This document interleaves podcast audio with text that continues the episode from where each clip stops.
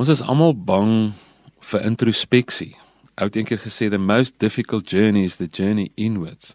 Dat mense wat al groot avonture ervaar het en groot waagmoed aan die dag gelê het en allerlei dinge gedoen het en reg gekry het, dikwels bang is om binne in hulle self in te gaan, diep in hulle self in te delf en die waarheid oor hulle self te ontdek. Miskien is ons bang vir dit waarop ons gaan afkom. Ons is bang dat as 'n mens diep genoeg kyk, dat jy eintlik op 'n stuk boosheid gaan afkom in die kern van alles of dat jy gaan afkom in jou diepste wese dat dit eintlik donker en leeg en koud is en ons is bang vir daai ontdekking. Die mooiste beeld wat ek het hieroor is van die aarde. Hulle sê die afstand van die oppervlak van die aarde na die kern is hang af hoe hoog die boseevlak is, maar is ongeveer 6370 km. En sou jy dit kon regkry, dis onmoontlik. Ons kry nie eens deur die kors van die aarde geboor nie. Maar sou jy dit kon regkry om in die aarde in te boor, in die aarde in te reis, dan sou jy vir 'n baie lang tyd duisternis en klip en kliphardheid hier om jou. Dit sou mors dood en donker en hard wees.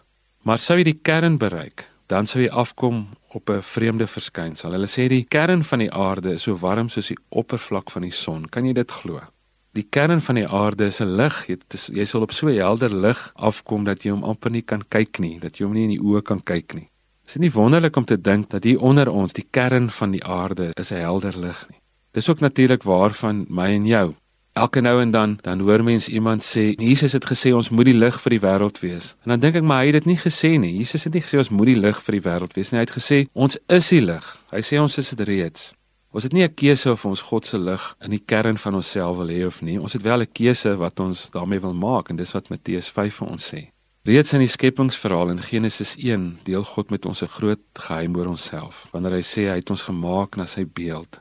As ons dit sou waag om diep genoeg te kyk, as ons in die kern van ons bestaan sou rondsoek dat ons sou afkom op die lig van God se teenwoordigheid. En dis die wonderlikste ontdekking wat ek en jy kan maak.